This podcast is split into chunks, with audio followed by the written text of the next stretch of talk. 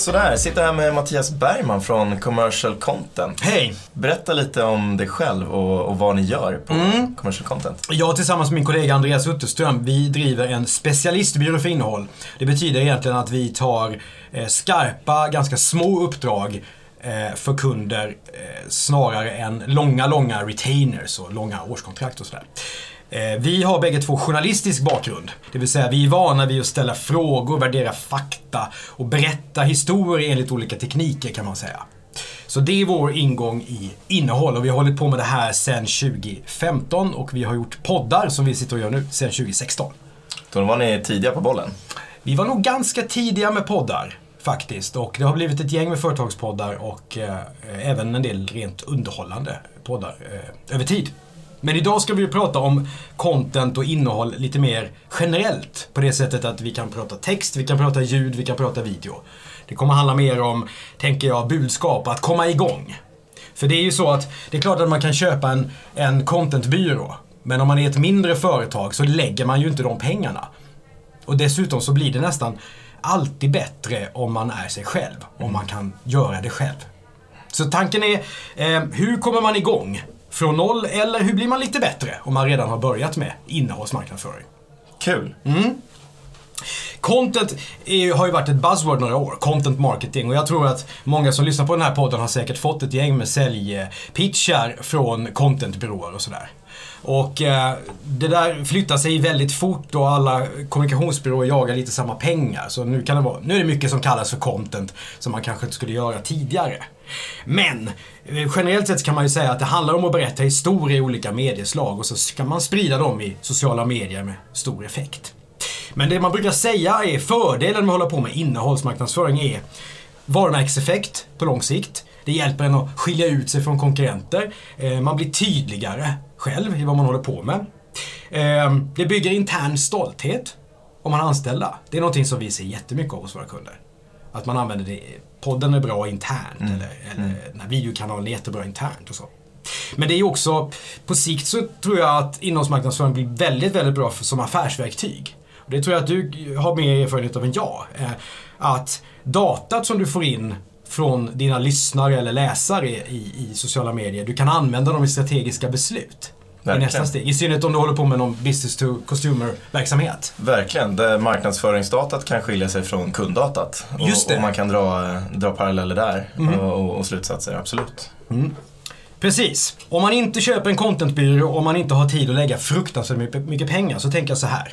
Var tredje svensk, enligt någon undersökning som jag har läst, lägger lite mer än 20 minuter per dag på toaletten.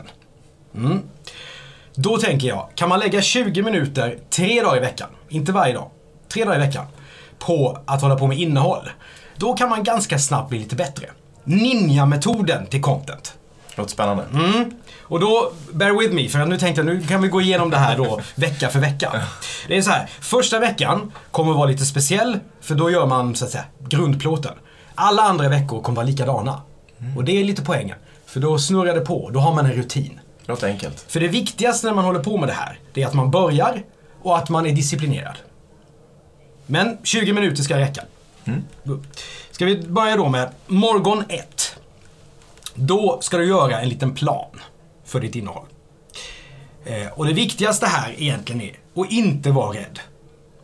Även om du inte är van att skriva, även om du hade dåligt svenska betyg, du tycker inte att du är duktig, du läser en massa andra på LinkedIn och så som du tycker är jäkligt bra. Strunt i det.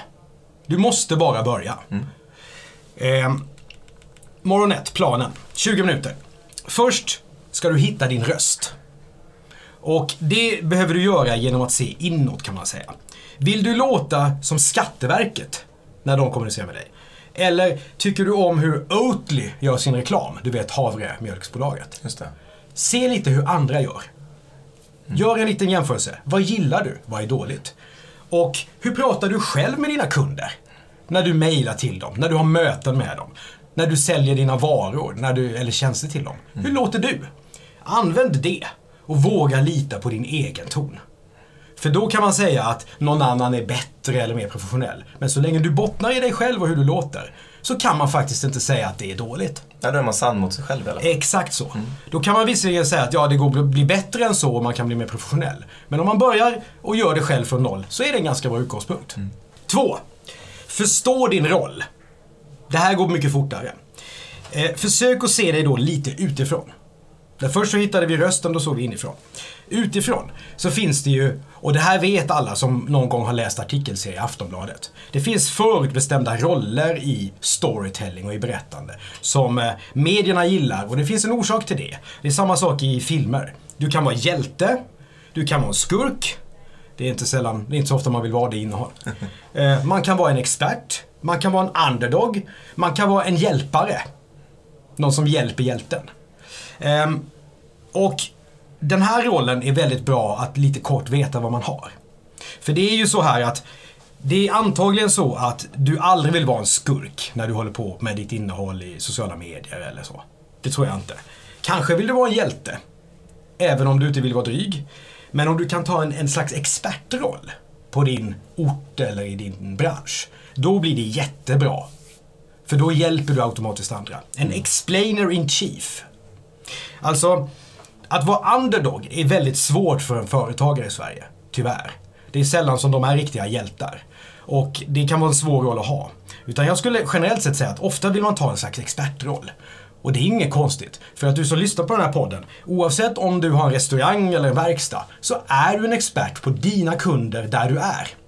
Du behöver inte snegla så mycket på vad andra gör eller så.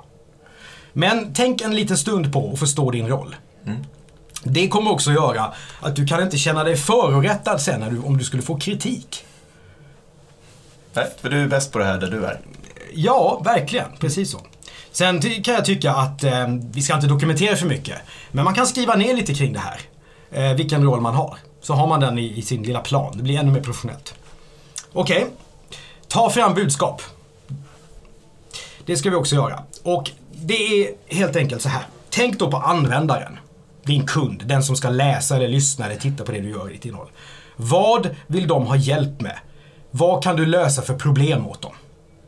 Ta fram då två eller tre överbudskap som rimmar med din egen strategi, ditt bolag och vad du håller på med. Det kommer exempel här. Till exempel, ett överbudskap kan vara Jag är en lite mer lokal pizzeria. Eh, jag är pizzerian med lite bättre råvaror. Jag är ju hipsterpizzan här i Åmål till exempel. Ehm, det här är butiken där vi som jobbar har lite roligare. Häng med oss in och följ det där. Ehm, jag är e-handlaren som har lite bättre användarupplevelse. Det är lite mer eh, smooth att handla av mig. Det är exempel på överbudskap. Och när du har satt de här korta överbudskapen, och det här är en liten utmaning, då blir det superlätt för dig att sen komma på massor med poster och, och budskap under det här. Massor med innehåll. Så att här handlar det ganska mycket om att vädja till användaren vad de går igång på. Vad kommer att göra din, din läsare glad, berörd, hungrig, sugen på att hälsa på dig och komma in i butiken? Så. Det är ju reptilhjärna egentligen. Vi människor är ju lata, hungriga och eh, ja, vill ha det bra helt enkelt. En generell sak till som jag skulle vilja lyfta in här. Det är att eh, var generös när du tar fram dina budskap. Tänk på att du gör ju innehåll för att du vill konvertera på det. Du vill egentligen sälja. Annars ska vi inte hålla på med innehåll. Och du vill också bygga ditt varumärke. Men var inte för säljig. Tänk på användaren, vad du kan ge dem. Det är liksom vägen in. Då når du deras kärlek i, indirekt helt enkelt. Ja, och när vi har överbudskapen, då har vi gjort det svåraste jobbet den här morgonen. För det här är rätt så tungt.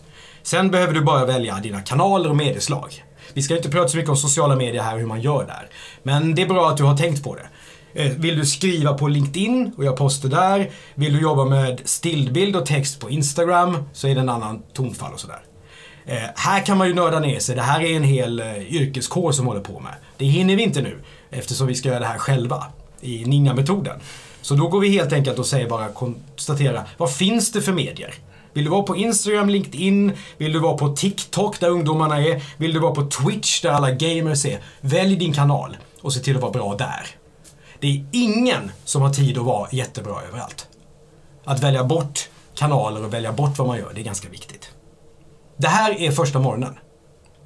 Låter bra. Har du några frågor så långt? Verkligen inte. Mm. Det går fort det här, men det kommer ju ligga Ja, en blogg...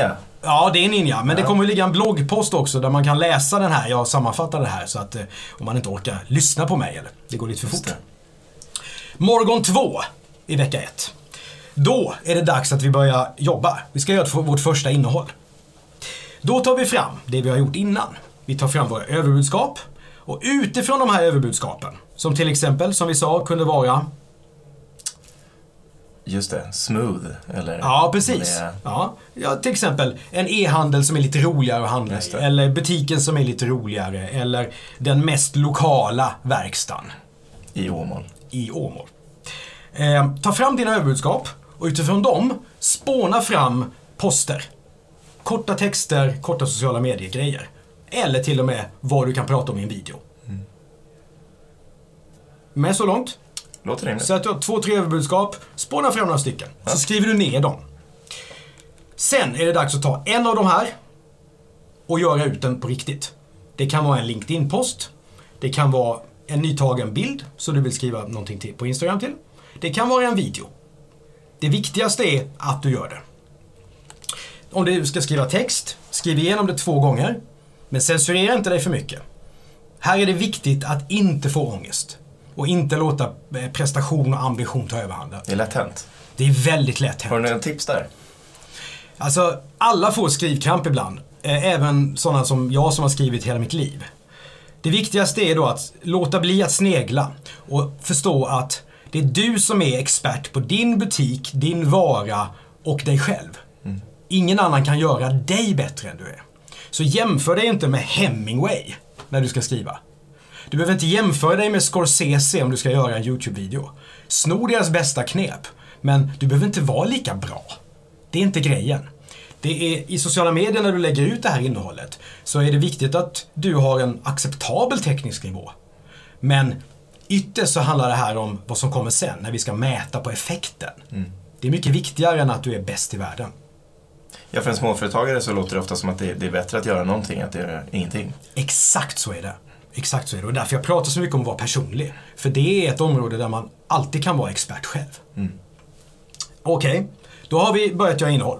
Skrivit text eller gjort en video och sådär. Ehm, vi har ju 20 minuter på oss. Så lägg den tiden. Definitivt. Även om videon är 30 sekunder, gör en tagning till. Träna, träna, träna. Sen ska vi komma ihåg också att nu är vi bara inne i vecka ett. Det här är ett maratonlopp, inte ett sprintlopp. Där tror jag många tänker fel. Oh ja, det är väldigt lätt att man axar i början, man är superpepp, man går på känsla, man går på sin egen energi och nu jäklar. Men det jobbiga är att det är vecka 10 som du ska vara bra. Och det är då, det, du kommer bedömas på 50 veckor, inte på en vecka. Och det är också bra, för det gör att din ambitionsnivå, din ångest de här vecka 1, den kan vara lite mindre. Det viktigaste är att du börjar, helt enkelt. När du har gjort ditt första innehåll, vi är fortfarande i morgon två, då ska vi göra ett snabbtest av innehållet. Det vill säga, ta hjälp. Din dotter är säkert bättre på att göra video än vad du är. Visa henne videon. Min är två, så jag kanske slår henne än så länge. Ja, just det. Men om... Ja, fast man vet inte, för Nej, de är fruktansvärt bra, Ja, idag. Hon är underhållande. Ja, de är det. Eh, visa din familj. De älskar dig, så de gillar dig. Men de kommer också vara de mest kritiska som finns. Det är ju så med familjen. De menar det. Ja, ta in lite synpunkter. Eh, vad tycker de om eh, pappas eh, text? Är den för lång, är den för kort och så där vidare? Lyssna på vad de säger, skruva. Här är det, I den fasen är det viktigaste att man inte blir eh, dryg och eh, känner sig kränkt. Prestigelös. Ja, absolut. Och när du har gjort det här lilla snabbtestet och du känner att, ja, då publicerar du. Var det nu är någonstans, vilket konto du har valt. Och det här är det absolut viktigaste steget. De som vi möter som har liksom utmaningar med, med, med innehåll, nästan alla handlar om att de inte kommer igång. Det här är ju en agil metodik som vi jobbar efter med innehåll. Och då är det viktigt att man faktiskt börjar att skeppa någonting som är lagom bra. Mm. Det var morgon två. Morgon tre i vecka ett. 20 minuter till. Den här, eh, nu är vi snart igenom, snart är det helg så vi får pausa. Men morgon tre. Först, gå in och kolla på det som du la ut igår. Gå in och läs det en minut. Varför det? Ja, inte för att du ska behöva ändra det eller tänka på det, utan för att du kommer inte kunna låta bli. Det man vill är se likesen. Ja, man vill se hur många likes, vad har jag fått för effekt? Ja. Du behöver inte skriva upp den, bara kolla på den. Sen tar du fram din budskapsplan igen, med dina överbudskap. Då planerar du tre stycken poster. De ska vi använda för nästa vecka. De skriver du upp, vad de ska handla om, i en lista eller i Excel kanske, så du får en liten plan.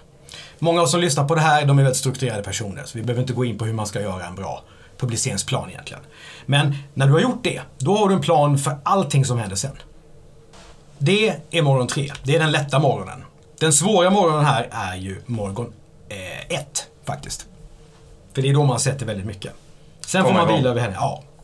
Då har vi gjort vecka ett. Då har du som du märker, vi har kommit ut med en, en snabb strategi. Vi har kommit ut med överbudskap. Det här är ju sånt som vi från vårt håll kan jobba med ganska länge för kunder. Men det gör vi inte här. Ehm, och så har man gjort det första innehållet, en riktig milstolpe, och publicerat det.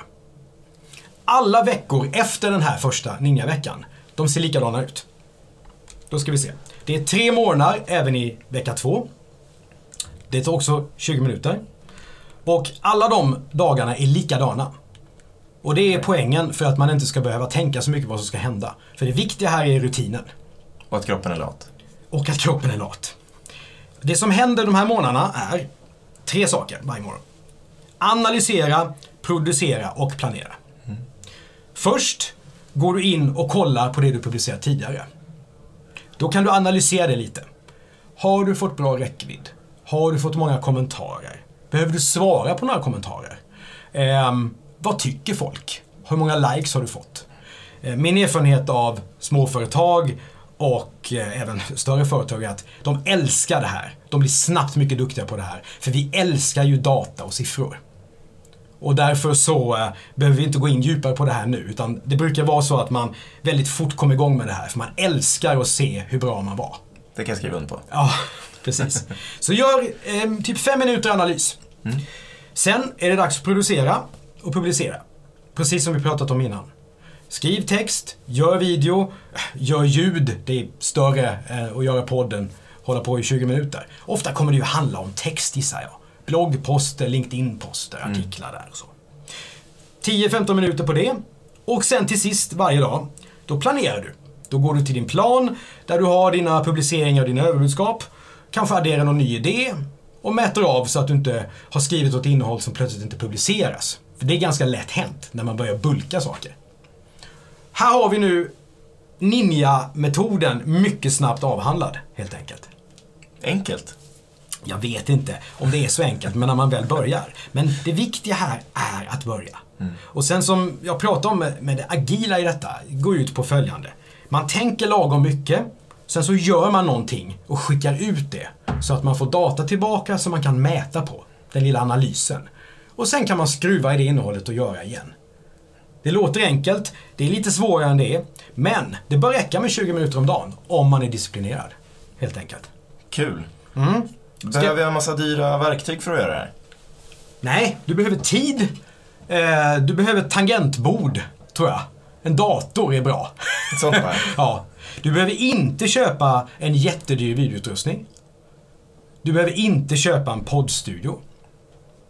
Det, det, jag skulle säga att det, det börjar inte där. Jag har sett fantastiskt innehåll som görs med mobilkamera. Eh, det får inget pris i, i kan-tävlingarna, men det spelar ju ingen roll. Kanske borde få. Eh, Det borde kanske få, för att om det är autentiskt och det gör bolaget lite tydligare, om man särskiljer sig från konkurrenter och så, om man ger sin användare någonting, då, då har man ju fått sitt värde. Det är jag helt övertygad om.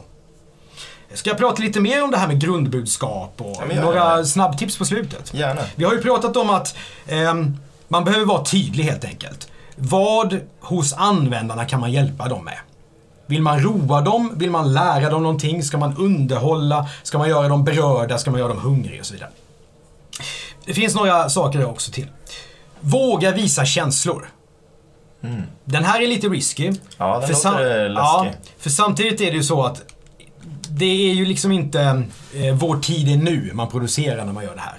Men det jag menar är egentligen, våga vara sig själv och vara personlig. Det betyder då inte att man ska berätta om eh, familjens frukost eller tandläkarbesöken och så. Många går bort sig där. Tänk efter. Vill användaren veta exakt vem du är? Inte egentligen. De är intresserade av dig i form av företagare. Just det. Vi är inte Blondinbella här. Nej, och det har ju med rollen. Ja. Vårda din roll. Precis. Antagligen är småföretagaren på orten inte en influencer. Det är en annan roll man har. Ehm, vi brukar ibland råda om att eh, man ska prata om när man har misslyckats. Att, ja, för då kan man berätta om lärdomar. Ehm, till exempel, ja, det är lätt att föreställa sig. Ehm, stamkunden kom in. Den här gången blev eh, hon eller han besviken. Vad gjorde jag för fel? Jag satte mig ner och tänkte efter. Det är glasklar dramaturgi. För att berätta om dig själv, men inte bara om dig själv. Koppla på dina anställda, koppla på dina kunder i ditt innehåll. När stamkunden eh, Olle kommer in i butiken, ja men använd honom i innehållet om han vill vara med. Gör en liten community av det. Man kan tröttna på ansikten där man bara ser en person hela tiden. Mm. Eh, bäsa aldrig andra. Framförallt inte dina konkurrenter på samma gata i stan. Hylla dem och lyft dem. Det kan man då tycka att det är lite grann emot ryggmärgen. Det är ju man Kanske. själv som ska fram. Men genom att hylla andra så får man jättemycket tillbaka. Om jag har den lokala pizzerian som håller på med, vad ska vi säga, napolitansk vedugnspizza, du vet, med den bästa skinkan i världen. Hylla då också grannen Albert som gör bakispizzan. Han fyller sin funktion. Han har en, precis, han är ju kanske inte en konkurrent. Ni fyller lite olika behov. Våga säga det. De är också bra. Med tonalitet tycker jag att det är svårt att säga för mig vad som är jättebra eller jättedåligt. Precis. Jag kan personligen tycka att vissa saker är bättre än andra. Men det viktiga här är att man låter som man är.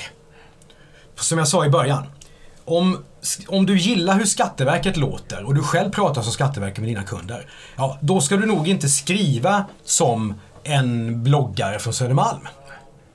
Om du är Oatly, då vill du å andra sidan inte skriva som, som Migrationsverket i sina utskick. Så här är det viktiga, att när det handlar om att hitta sin röst och tonalitet. Det finns en väldig tolerans. Emojis kan vara jättebra. Um, adjektiv kan vara jättebra. Utropstecken kan vara jättebra. Så länge det är konsekvent med vad du är. Och det gör ju att om jag driver en e-handel så skulle jag prata på ett annat sätt än om jag driver en, en fysisk butik. Helt klart så. Just det. Eh, och så det, det är liksom en mischmasch av vad förväntar sig mina användare? Vem är min kund? Vad har jag för bolagsstrategi? Vilken är min USP i bolaget? Om, I skärningspunkten mellan dem så kan man ganska snabbt ta fram en tonalitet. Nu, nu grottar jag ner mig kanske och, och kanske Nej, sätter dig på det- pottan lite. Men eh, kan det skilja sig var i landet var vi är? Är vi i liksom sydligaste Skåne eller Eh, ja, det- nordligaste Norrland? Alltså det tror jag nog att det kan göra utan att, jag kan inte hela Sverige på det sättet. Men när det kommer till liksom ordval och sånt, när vi går ner på den nivån, ja då spelar det säkert roll. Eh, när jag var ung så fick jag lära mig att eh, i fjol, förra året, det kan man säga i stora delar av Sverige. Men det finns delar i Skåne tror jag som säger i fjol med, med, med ett R på slutet. Och om man då skulle skriva med L i en tidning där nere, då ringer de in och klagar. Så det är klart att det finns variationer över landet och mellan stora och små städer och så. Jag är helt övertygad om det. Men det är någonting som man Det är ironiskt just med skånskan som lägger in ett R då, som kanske har Ja, problem jag hoppas jag sa rätt nu så jag inte sa tvärtom. men, nej, men så var det i alla fall. Och, så det finns säkert skillnader här. Mm. Och det finns naturligtvis en massa kulturella skillnader. Just det. Ja. Säljer du dina varor till en 22-årig kvinna eller säljer du det till en 55-årig man? Ska dina vändskär gå till en ung kvinna eller ska du sälja schampo till en äldre herre? Rätt stor skillnad hur du pratar. Verkligen. Men här tror jag också, i min enfald, att man verkligen får lita på att man känner sin kund. Och hur man pratar med dem i övrigt. När du ringer till, till dina kunder, pratar du som Skatteverket pratar med dig, ja, då har du nog ett spår till din tonalitet. Och när du ringer till dina kunder, om du pratar ungefär som vi sitter här, ja, då har du ett annat spår till din tonalitet. Vårda den. Smarta tips. Jag hoppas det. Ska vi knyta ihop säcken på slutet? Låter rimligt. Precis, som jag sa så blir det en bloggpost av den här ninja-metoden så att man kan eh, läsa och grotta ner sig lite mer. Och sen kan man såklart höra av sig till oss på commercial content om man vill ha lite mer information och sådär. Det viktigaste är mitt medskick här. Börja göra innehåll. Och tänk på efter att du har gjort det vad det blir. Tänk, gör, mät och gör igen. Det är liksom hela grejen. Ska jag skicka med ett boktips? Gärna. Om man vill veta mer om sätt att berätta historier, storytelling som det kallas nu för tiden. Ehm, de här eh, hjälte, så här, hjälteskurk, underdog-rollerna. Så kan man läsa boken Made to Stick av Chip Heath. Oh. Den har några år på nacken, men det är mycket amerikansk bok också. Men utifrån den så får man en liten modell för hur man kan tänka när man ska bygga sina budskap. Den brukar vara ganska användbar i min erfarenhet. Härligt. Och den är på engelska? Den är på amerikanska. Den är på amerikanska till och med? Ja, Oj. Ja, får, får vi se om alla förstår det. det tror jag. Det tror jag. Den är ganska enkel. Härligt. Underbart. Har du några fler tips här till Mattias på rak, eh, rak arm? Ja, jag kan skicka med ett sista tips också. Ja. Titta lagom mycket på vad andra gör. Mm. Ta inspiration från dem, men få inte ångest av att du tycker de är för bra. Eh, Det som de gör, som du inte gör än, det är att de publicerar sig och det har du inte börjat med. Så bli imponerad av det. om något. Absolut. Stort tack Mattias för att du kom och berättade lite mer om innehåll för småföretagare. Tack, det var ett nöje.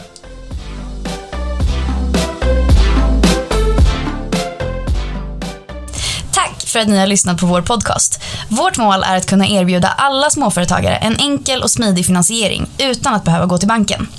Är du själv småföretagare och i behov av finansiering? Besök cred.com, cred med Q. Och glöm inte att följa oss på sociala medier.